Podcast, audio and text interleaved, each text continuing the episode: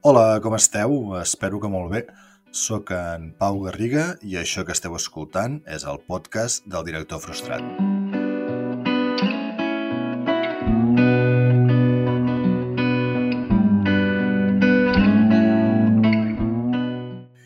I bé, comencem la, el programa d'avui eh, amb noves cancel·lacions, nous retards eh, que ens confirmen que aquest 2020 serà un any de merda per al cinema. Eh, les poques esperances que podíem tenir d'alguna estrena eh, important o alguna estrena eh, per acabar l'any eh, sembla que es van esveint a poc a poc.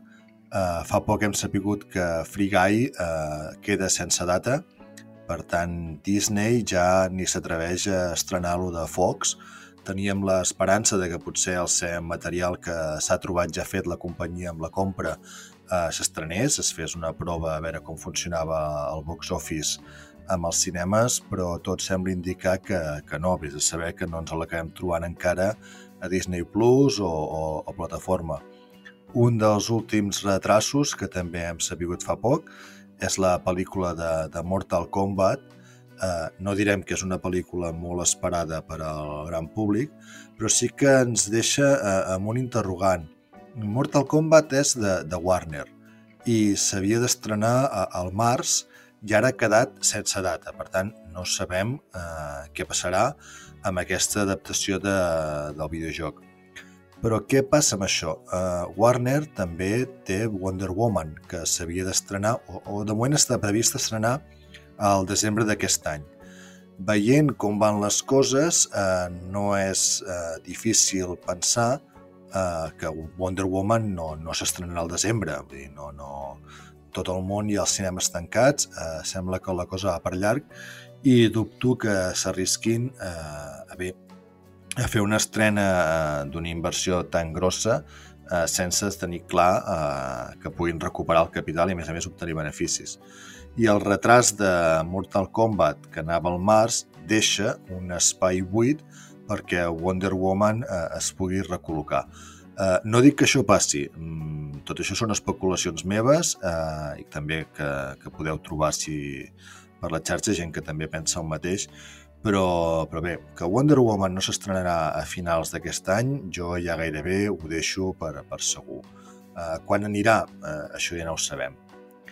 I, i bé, saltant de, del distingir de competència a Marvel, uh, també hem sapigut que la sèrie WandaVision, que s'estrena directament a Disney+, Plus, recordem, uh, al final acabarà el 15 de gener de, del 2021, que això ens deixa en un 2020 sense cap eh, nova aparició de, de l'MCU, eh, l'univers cinematogràfic i ara televisiu de Marvel, deixa també un, un 2020 orfe.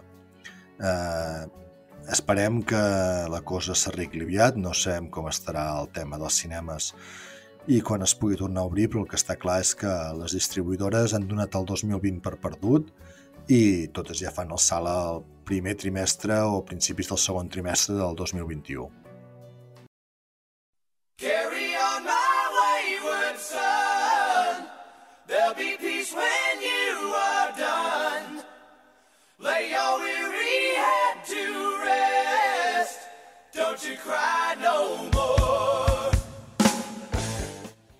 Aquesta setmana no us faig una recomanació, eh, perquè és que seria una mica arriscat recomanar-vos el que estic veient. Eh, però sí que, que us animo, a, si teniu moltes, moltes hores lliures, eh, li dongueu una oportunitat. Eh, jo un dels meus paers culpables i una de les meves aficions és, és Sobrenatural. Eh, la sèrie creada per Eric Kripke i que protagonitzen Jared Padalecki i Jensen Ackles eh, pot ser tot lo, lo sèrie B, eh, lo kitsch que vulgueu, però jo m'ho passo teta. Uh, I en parlo perquè ara m'estic posant al dia uh, amb l'última temporada, la quinzena, i perquè també serà el final definitiu de la sèrie. Després de, de 15 temporades, de, de 15 anys en antena, uh, els germans Winchester uh, desapareixeran de, de la, del panorama televisiu. I, i bé, no sé, si teniu l'oportunitat eh, com a sèrie per passar l'estona, per desconnectar, per riure, eh, a mi m'encanta.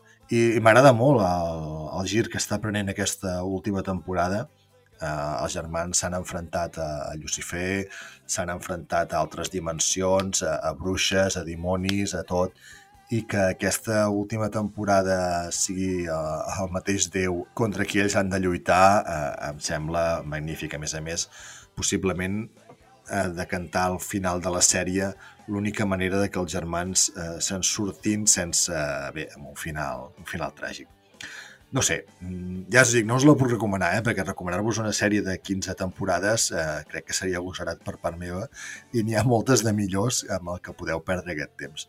Però si teniu una estona i, i no us fa res anar-ho fent amb calma, mm, mireu-la, eh, us ho passareu bé.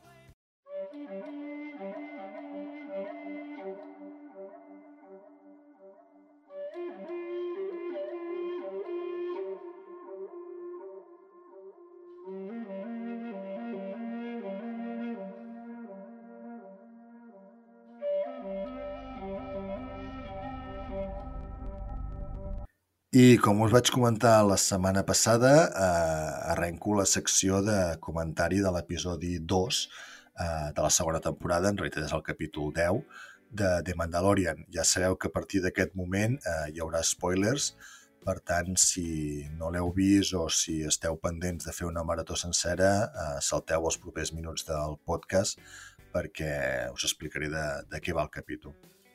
Uh, com dèiem, capítol 10, uh, The Passenger, episodi 2 de la segona temporada, dirigit per Peyton Reed, que potser molts us sonarà, és el director de les dues entregues de Ant-Man uh, de Marvel, uh, de la primera Ant-Man i de Ant-Man i la Vispa, uh, cosa que va molt bé per, al to, per part del to una mica així humorístic que té aquest capítol i escrita per al mateix John Favreau.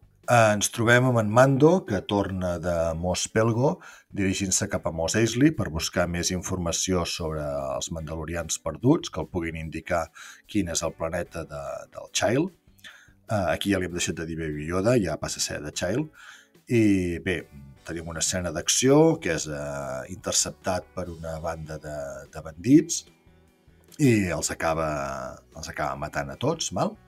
Fins que arriba a la cantina de, de Mos Eisley, eh, nova picada d'ullet eh, a, la, a la trilogia clàssica, eh, una escena que bé, tots veiem eh, Pelimoto eh, fent un homenatge a, a Han Solo. A través d'ella el que aconsegueix és un contacte eh, amb una persona que pot saber on hi ha nous mandalorians. L'única eh, pega que pot tenir eh, és que per saber la informació el que ha de fer és portar una, una persona, una senyora, a, a un planeta en concret i a més a més ho ha de fer a, a velocitat normal, no pot viatjar a velocitat llum perquè aquesta persona trasllada la seva progènia encara en estat, eh, en estat d'ou eh, i a velocitat llum aquests ous es veu que acabarien morint i acabaria fent com l'extinció de, la, de la seva espècie. Bé, com que no té més remei que, que acceptar, eh, pugen tots a la Razor Crest i es dirigeixen cap, a, cap al, al planeta. Uh, recordem que el Mandalorià viu semi fora de la llei, per tant hi ha un moment on uh, dos X-Wing de la Nova República uh, l'intercepten i amb un intent d'escapar acaba caiguent uh, en un planeta, uh, un planeta glaçat, ens recorda molt a Hot, tot i que no ho és, i, i bé, la nau queda semi-destrossada, i de cop ens comencen a aparèixer unes aranyetes petites, molt bé, bastant esgarrifoses, que, que comencen a, envair tota la nau, i més encara quan veiem que en realitat són unes aranyes molt, molt grosses. Uh, com a curiositat, uh, aquest disseny de les aranyes el va, el va fer l'artista Ralph McQuire i havien estat uh, dissenyades en principi per a sortir a Dagoba, a l'Imperi Contraataca. Uh, són, es diuen Krikna eh, però al final van ser descartades, suposo per la seva complexitat a l'hora de, de fer-les, i Favreau els ha volgut recuperar per, a, eh, per bé, per Mandalorian, que sempre hem dit que el que té és un, un gran respecte cap a, cap a un gran homenatge cap a lo que és la saga original. Bé, finalment, eh, també gràcies a l'ajuda de, dels dos eh, X-Wing de la Nova República que el perseguien, el Mandalorià aconsegueix fugir de l'atac d'una aranya i, i seguir el seu camí cap, a, cap al planeta on ha de deixar la mare amb els seus fills.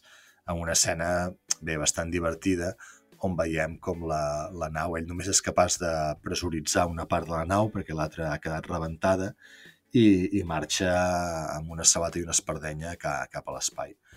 Un capítol dels que podríem dir que no fa avançar la saga, sinó que és un capítol eh, en principi i final propi, però, però bé, no per això deixa de ser, deixa de ser un mal capítol. Uh, S'estableix una mica la relació que el Mandalorià pot tenir amb la Nova República, uh, veiem unes escenes d'acció molt, molt, bé, molt aconseguides i, i un bon capítol. També és cert que en temporades tan curtes eh, ens podem trobar que després el temps que estem dedicant a aquestes històries el trobem a faltar més endavant. Però, però bé, una mica de confiança eh, amb John Favreau i que té tot, eh, tot marcat. Em fa molta gràcia també, eh, aquest capítol ha portat polèmica eh, per al bonisme o la correcció política que tenim avui en dia, perquè un recurring gag que tenim en aquí és que el Baby Yoda descobreix que e, és fan de menjar-se eh, els ous d'aquesta espècie i, i a la que ens despistem una mica eh, veiem com obre el tanc on el transporten, n'agafa un i, i se'l menja. A veure, eh, la gent ja ha començat a posar el crit al cel de que què és això, que el Baby Yoda està eh, extingint una espècie, que s'està menjant certs vius. Eh, no, estem parlant com si aquí ens mengéssim un ou d'una gallina. És dir, no, no, no ens passem que evidentment no és correcte el que fa, no, no us ho negaré pas, que és divertit també, eh? també l'escena final, quan d'amagat es fica l'últim que té ell a la boca, eh, és divertida. I no deixem d'oblidar que eh, el The Child és això, és un nen. Per tant, ell no hi veu res mal fet amb el que fa. L'agafa i se'l menja, li agrada, no sap ni el que és, i, i s'ho menja i ja està. Vull dir, d'aquí a, a demonitzar el personatge que ha passat de ser gairebé eh, un dels personatges més estimats l'any passat amb, amb, uh, quan s'acostava a Nadal, formava part de tots els regals, ai, que mono, uh, a ser una bèstia exterminador de races, uh, crec que ens estem, ens estem desviant una miqueta de, del tema. Uh, en definitiva, a mi m'ha agradat, dic, m'agradaria que, que saga, la història, continués una mica, avancés una miqueta més, però, però també està bé aquests capítols autoconclusius que ens permeten pues, conèixer una miqueta més eh, els personatges i també visitar una miqueta més l'univers eh, Star Wars.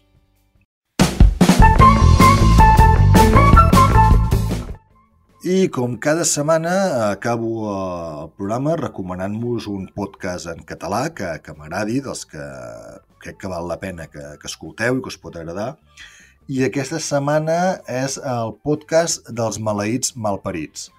Uh, aquest podcast és, uh, està creat per, uh, i pensat per en Jacint Casademont i, i en Jaume Fible, una parella, uh, bé, jo ric molt, uh, se'ls en va bastant la pinça, uh, però les converses entre ells dos uh, són, són divertidíssimes. De fet, diríem que és un podcast que no té un tema central, no és com els altres que us he recomanat, potser que només parlen de cinema o, o el monogràfic d'Expedient X que està fent el mateix Jacint. No, no, aquí és un podcast on cada setmana ells trien un tema i, i en parlen. De fet, eh, pel que sé de com funciona, eh, no tenen ni guió, no tenen una petita escaleta potser de, de, de coses que volen anar tractant i, i l'un a l'altre es van estirant, van xerrant i, i tenen un humor totalment irreverent. Eh, jo m'ho passo molt bé reconec que pot ser que no sigui de, de l'agrat de tothom i ells també en són plenament conscients, eh? però, però si us agrada riure, jo per mi és un dels podcasts més, més divertits que, que escolto últimament. Uh, els podeu trobar, el típic, a iVoox, a Spotify, els trobareu també a Twitter i a Facebook. Es diuen Maleïts Malparits, no confondre amb Els Maleïts Malparits, que això és un altre podcast que, si els escolteu, ja veureu que, com va anar la història.